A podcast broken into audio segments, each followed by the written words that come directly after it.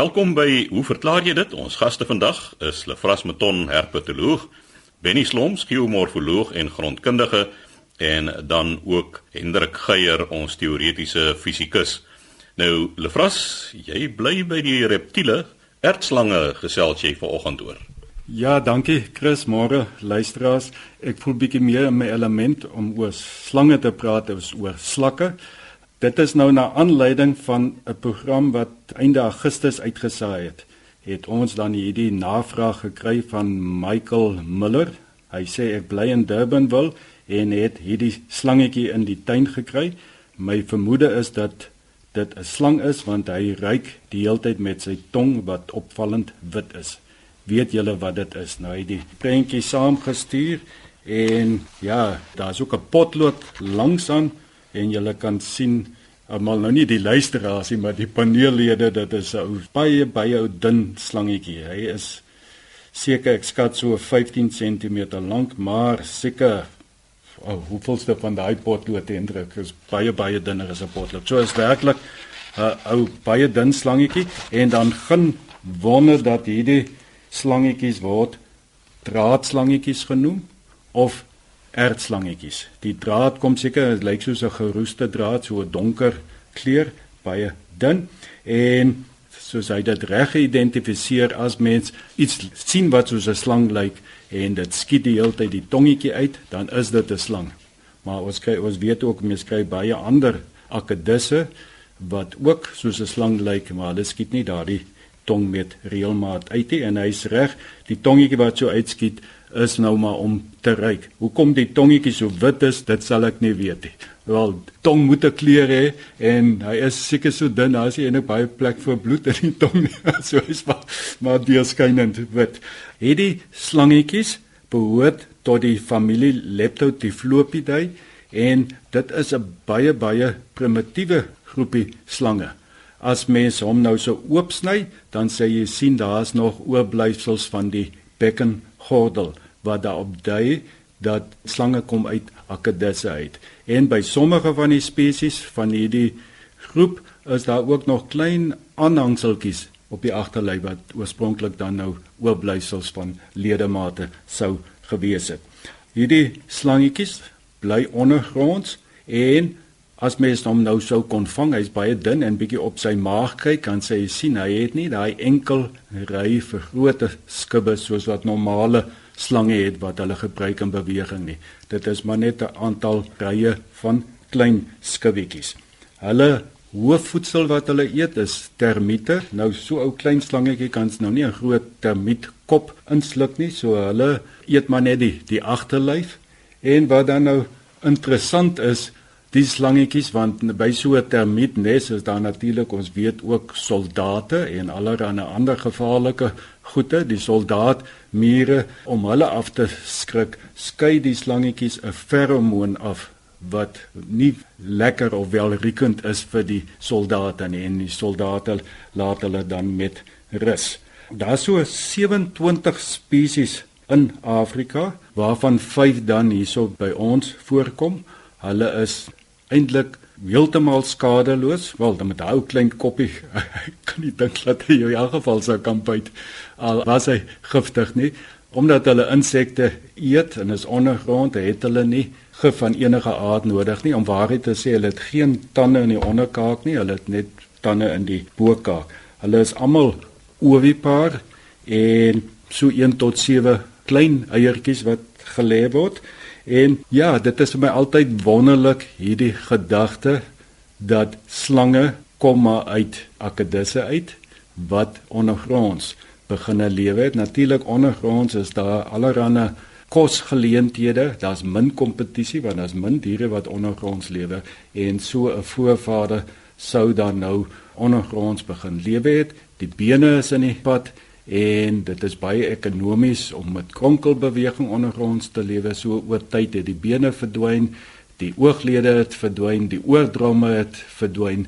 En nou ja en dan het jy uiteindelik 'n slang. So as ons na die die stamboom kyk dan lê slange maar daar tussen die akedisse op die stamboom. So 'n slang is maar niks anders as 'n gespesialiseerde akedis nie. So om terug te keer na Michael Miller se vraag. Die slangetjie, ek het hom nou nog nie geïdentifiseer nie. Dit is waarskynlik die swart draadslangetjie. Daar's nog 'n spesies wat bietjie meer in die binneland hier van Ceres omgewing af voorkom en uh dit mag dalk hy ook wees, die slanke draadslang. Die swart draadslangetjie is so soos ek gesê het so enigiets van 13 tot 17 cm lank. Dit is nou die volwassenes. En so gesels Lefras Meton, ons herpetoloog en Benny Sloms, ons grondkundige en geomorfoloog het 'n vraag ontvang van 'n luisteraar daar in Kleinbrak se omgewing oor die rotsbanke daar langs die kus wat toegespoel is deur sand. Dankie Chris. 'n Brief van Johan en Louise Boshoff van Kleinbrakrivier. Hulle sê hulle woon al sedert 1973 by Kleinbrakrivier eers as vakansiegangers. Ek het 'n permanente huis daar en sedert April 2008 bly hulle nou permanent by Kleinbrak. Nou aan die voorkant van die huis en die see se kant is daar sulke rotsriwe met poele in waarin hulle as kinders gespeel het en waar hulle kinders ingespeel het. En daar was baie rooi aas en ander organismes op hierdie rotsbanke en dit het natuurlik gedien as 'n voedselbron vir baie visspesies. Mense kan nou dink met hoogwater, dan is dit die plek waar jy jou sinker sal gooi met die hoek om vis daar te kan vang. Nou uh, sy sê dit was 'n wonderlike plek geweest vir al hierdie poeltjies, was 'n veilige speelplek geweest vir die kinders. Maar 2 jaar gelede het hierdie hele rotsbank bedek geraak met 'n laag sand en is sedertdien toe. Nou wat vir my baie snaaks is, is dat hierdie sand wat oorgespoel het nou al reeds vir 2 jaar daar lê en nie weer weggeneem is nie. Sy sê wat 'n teleurstelling. En 'n vriend van haar van Natal het beweer hy dieselfde ervaar as gevolg van die onlangse tsunami, maar die rotse is by hulle weer oop. Nou Johan en Louise, hierdie tsunami aan die Natalse kus, ek vermoed julle verwys na daardie baie intense storm wat langs ons suidkus was wat groot skade aangerig het waar groot hoeveelhede sand selfs paaie, huise, strukture beskadig is en weggeneem is. Dit was nie 'n tsunami nie, dit was net 'n groot storm. Ek onthou daardie tsunami wat daar by Thailand voorgekom het, so klompie jaar terug, dit sal nou Desember al 'n hele paar jaar gelede wees, het net so klein effek gehad teen ons kuste. Dit het niks gedoen wat sandbeweging betref nie. Nou sandbedekking van rotsbanke in die getyzone is 'n algemene verskynsel. So sand word gedurig deur die proses van lang strand sandbeweging langs ons kuste verskuif. Dit word weggeneem op sekere plekke en dan weer gedeponeer op ander plekke. So daar's as dien jy 'n sandbron het in 'n baai, dan is daar gedurende beweging van hierdie sand. Nou die wegneem van sand, dit kry ons gewoonlik tydens stormtoestande waar jy destruktiewe branders het. Dit is branders wat kort op mekaar volg, wat baie energie het, hoë energie en hulle verwyder sand van die strand dieper in. En dan wanneer dit weer kalmer raak en jy kry konstruktiewe golwe, dan word hierdie sand weer na die strand vervoer en neergesit. Nou normaalweg is hierdie afsettings, sandafsettings wat jy oor die rotse kry, is tydelik. Soos die storms kom word hulle weer verwyder en dan word hulle weer oordek. Dis 'n sikliese ding. Maar die 2 jaar daar so by Klein Brak klink vir my uitermate lank. En nog 'n ding waaroor ek ook nie seker is nie, is hierdie rotsbankies waarvan jy praat by die monding van die rivier. Want ons kry ook dat riviermondings veral teen ons suidkus in die somermaande wanneer daar min reënval is, deur sandbanke versper word. En hierdie sandbanke wat daar vorm by die riviermondings kan verskriklik hoog wees. Ek neem nou die geval by uh, Hermanus, daar by Grotto strand was die uh, klein rivier strandmeer was toegewees en die sandbank wat daardie water gekeer het om die see te bereik was 1.5 tot 2 meter hoog gewees. En daar was ook 'n klomp rotse wat heeltemal toe was. Ek onthou ons het altyd ons swemklere en skoene op hierdie rots gesit wat so 'n meter en 'n half hoog was en na die opbou van die sand kon jy geen teken vind van hierdie rotse nie. Dit was net weg gewees onder die sand. Nou die vraag is wat jy vra is, sal hierdie banke weer herstel? Die antwoord is ja.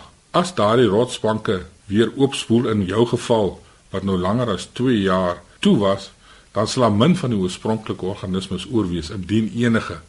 Maar die ekologie het 'n manier om weer vinnig te herstel en eers sal dalk die krappies en die klein visse inkom en later van die plante. So oor 'n tydperk sal daardie rotspoele daar voor jou huis weer terugkeer na sy normale en oorspronklike toestand. My ervaring is dat hierdie plat swart mosselbanke wat so van tyd tot tyd toe raak onder die sand en dan weer oopspoel. Ek weet die hengelaars praat van die gate wat weer oopgespoel het dat jy kry geweldige visaktiwiteit. Die vis is baie aktief op daardie plekke waar hy weer oopspoel waar hy so 'n ruk lank toe was. En Lafras sê vir my die rede is natuurlik die voedsel wat nou daar beskikbaar is. Van die mossels het natuurlik versmoor, het gevrek, hulle is oop. Jy sit daar met baie verrotte materiaal wat jy daar kan eet. En dan sal die nuwe mossels natuurlik weer daar begin vestig en sal die bank weer terugkeer na sy oorspronklike toestand. Ek is nie seker wat daar by Klein Brak gebeur het 2 jaar gelede dat daar so groot hoeveelheid sand daar op julle voorstoep op die rotsbanke beland het nie. Benny, wat sal die frekwensie wees van werklike groot storms want dit sal beseker dan kan uitwerk. Dalk mag dalk eenmal elke 50 jaar 'n groot storm wees en dan kan hulle dalk nou lank wag. Ek dink is daar 'n manier wat mens die grootte van die storms, see storms kan oor tyd weet wat die interval min of meer is. Mens sou seker kan, maar uh, Lafras, ek het 'n vermoede kyk normaalweg is daar genoeg groot storms gedurende die winterseisoen hier onder by ons om hierdie tipe van effek te hê. 'n Ander ding wat 'n mens nie die oog moet verloor nie, is dat die menslike impak op die kus kan ook lei tot abnormale sandakkumulasie en die wegneem van sand langs ons kuste, soos byvoorbeeld hawe mure, goed wat gebou word wat in die see instrek. Ek dink nie dis die geval hier by Kleinbrak nie. Ek dink dis 'n uitsonderlike geval. 'n Normale winter behoort daardie goed weer weg te vat. Al is dit tydelik. Jy kom self daar van die strand af, Lefras, en jy weet dat gedurende die wintermaande dat na elke springgety, val springgety hoog en laagwater is, dan verander die strandmorfologie totaal. Hmm. Daar waar 'n sand hoog tot teenoor daardie muurtjie in die strand opgebou was, die volgende dag dan is daar meter sand wat net weggeneem is en dit kan oornag gebeur tydens stormagtige toestande. So indien hierdie sand normaalweg so lank daar sou gelê het, sou julle nie bankies gehad het daar voor julle huis met al hierdie marine lewe nie. So Johan en Louise, die goeie nuus wat ek vir julle kan sê is daai sand sal weer wegspoel met 'n groot storm en die lewe sal weer terugkom want uh, dit is definitief 'n baie baie interessante ekosisteem om in rond te beweeg, kinders om in te speel wanneer hy ten volle in ewewig is met die ekosisteem van die omgewing daar. En so sê Benny Sloms, ons grondkundige en geomorfoloog, Laaste aan die woord is Hendrik Geier aan die beurt, ons teoretiese fisikus. Hendrik, jy het 'n storie oor 'n telefoonpaal in die Bosveld wat druis. Ja, inderdaad, Chris, môre aan jou luisteraars en kollegas. Ons het hier 'n interessante e-pos van Bekes Geldenhuys ontvang en ek dink ek lees maar die hele e-pos voor en dan begin ek daarop reageer. Hy sê ek het onlangs in die Timbawati Wildreservaat 'n ligte gedruis gehoor in die veld. By nader ondersoek het ek besef die gedruis is afkomstig van 'n telefoonpaal soos in die video hierby aangeheg. Nou hy het inderdaad vir ons 'n klankgreep en 'n video gestuur. Ek moet sê dit is eintlik net een aan een lopende agtergrondgeruis wat jy nie van iets anders kon onderskei nie, maar hy het ten minste die punt daarmee gemaak en hy wil weet wat het hierdie gedruis veroorsaak. Nou hy vra dit nie, hy beantwoord dit ook en ek hou sy eie verduideliking voor. Hy maak 'n interessante opmerking dat hy agtergekom het dat ander pale nie so gedruis het nie en hy sê sy verklaring hiervoor is dat die energie wat ontstaan het deur die vibrasie wat die wind op die telefoonlyne het die paal laat vibreer en dat die paal se hout 'n sekere digtheid het wat die klank resoneer sodat mense dit kan hoor. Ander pale se digtheid is groter en daarom kan mens geen gedruis by hulle hoor nie. Nou wil hy weet of ons hiermee saamstem. Nou uh, Bekes in breë trek ek dink ek het jy daar min of meer die essensie van wat 'n mens hier waarneem uitgelig, maar ek dink 'n mens kan 'n paar interessante dinge byvoeg tot hierdie verklaring om dit miskien in 'n bietjie meer sistematies fisiese manier te beskryf. En ek het terloops hieroor met my goeie kollega Kobus Visser notas vergelyk en ons het uh, tot dieselfde slotsom gekom. En hier is nou die storie. Waarvan ons hier praat is in die in die literatuur bekend as die gesang of die gedruis van spesifiek van telefoonlyne en van dennenaalde en daar word dikwels hierna verwys as 'n Ioliese gedruis of 'n Ioliese gesang. Nou Iolus was die Griekse god van die wind. En wanneer 'n mens nou tipies in 'n denneplantasie stap en daar's 'n effense briesie dan hoor 'n mens daai spesiale gedruis wat jou onmiddellik laat besef dat jy in 'n denneplantasie is en nie op 'n ander plek nie en dieselfde gebeur met telefoondrade.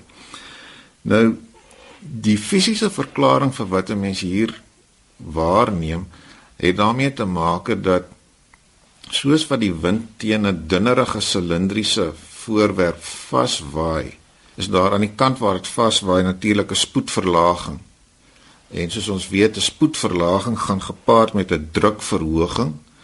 En soos wat die wind nou om hierdie silindriese voorwerp gaan, is daar weer sprake van 'n spoedverhoging of 'n afname in druk.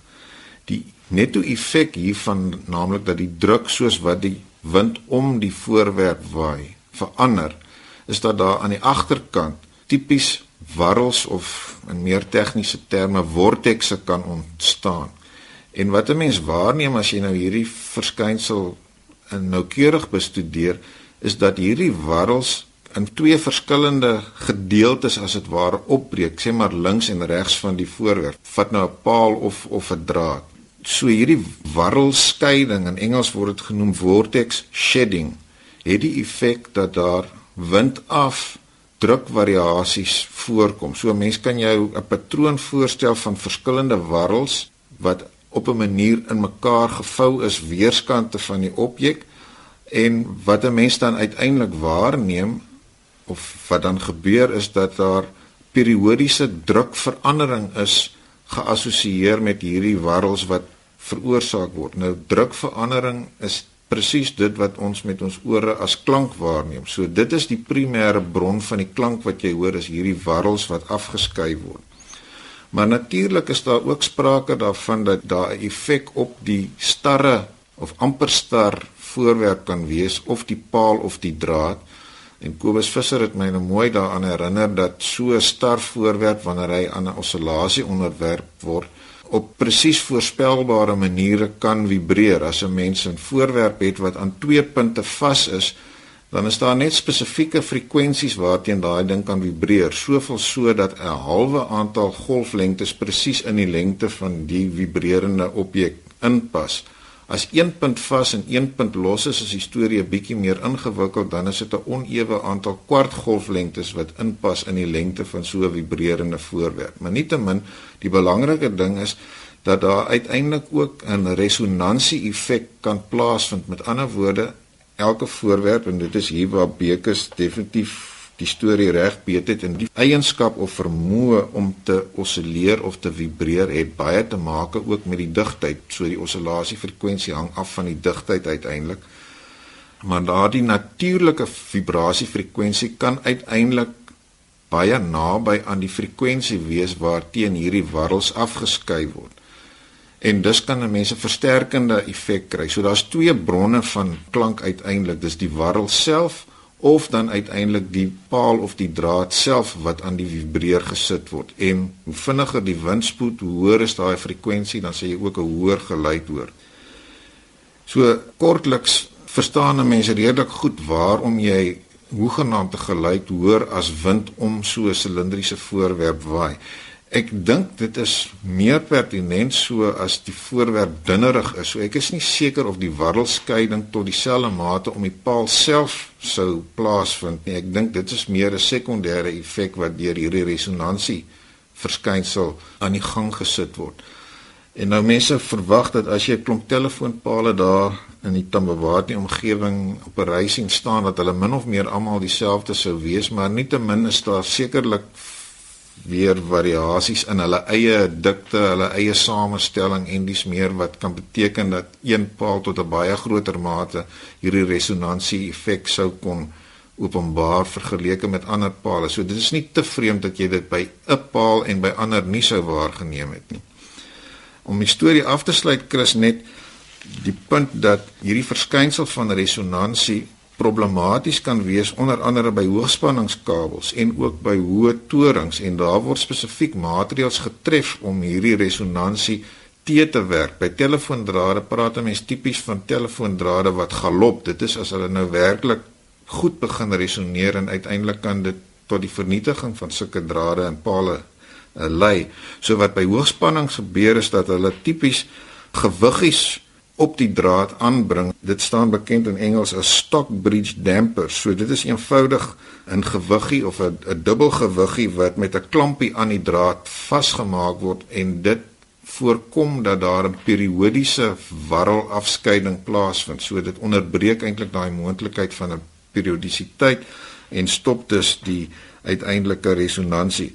En wat 'n mens by hoë torings dikwels sien staan in Engels bekend as 'n stryk. Nou my woordeboek sê dit is 'n huidgang of 'n huidboord of 'n plaatgang. Ek moet sê ek het nie regtig 'n goeie idee waarom dit die Afrikaanse vertaling daarvoor is nie. Nietemin wat 'n mens sien is eenvoudig 'n dun reepie van materiaal wat soos 'n helix om die bo-punt van so 'n toring aangebring word. En die effek daarvan is presies dieselfde, naamlik om op so 'n manier hierdie warrelvorming te onderbreek, die feit dat dit nommer 1 uitstaan bokant die tipiese skoorsteen en tweedens dat dit hierdie helix vorm het. Die kombinasie hiervan bring mee dat hierdie warrelskeiding weer eens nie op 'n periodiese manier plaasvind nie en dis ook uiteindelik die resonansie effek op die toring self teewerk. So 'n uh, eh, baie interessante waarneming Bekes terloopskobus Visser het vir my gesê hy het hierdie effek uh, as kind op die plaas ook dikwels waargeneem nie net by telefoondrade nie maar ook by lyndrade wat gespan is. Dankie vir die moeite wat jy gedoen het om dit ook by wyse van die klankopname uh, vir ons deur te stuur. Hendrik, wat gaan gebeur as daar geen drade is? Dis net die paal wat daar staan dan gaan jy nog afhangende van die paal se eienskappe nog hierdie gedruis hoor. Ek sou verbaas wees as 'n mens dit direk hoor want my verstaan daarvan is dat die mate waartoe hierdie warrelskeiding plaasvind dit veel te maak daarmee dat jy nie met te 'n dik struktuur te maak het nie. So hieroor kan ek my nie weet in detail uitspreek nie, maar ek dink die, die warrelskeiding vind tot 'n groter mate plaas as dit wat die wind teekom 'n dunner struktuur is. So as daar drade gespan is, sal jy definitief die effek tot 'n baie groter mate waarneem. En ek twyfel of 'n houtpaal self aan die vibreer gaan raak as die wind net om hom waai. En dit was dan Hendrik Geier ons teoretiese fisikus wat gesels het oor die druisende telefoonpaal in die Bosveld. Volgende week gesels hy oor die fluitende predikantsvrou van Frans Hoek. Kom daai vraag van Chris van. Jy sê moet Frans Hoek toe ry. Is welkom om te skryf aan hoe verklaar jy dit by posbus 2551 Kaapstad 8000 of stuur 'n e-pos aan chris@rsg.co.za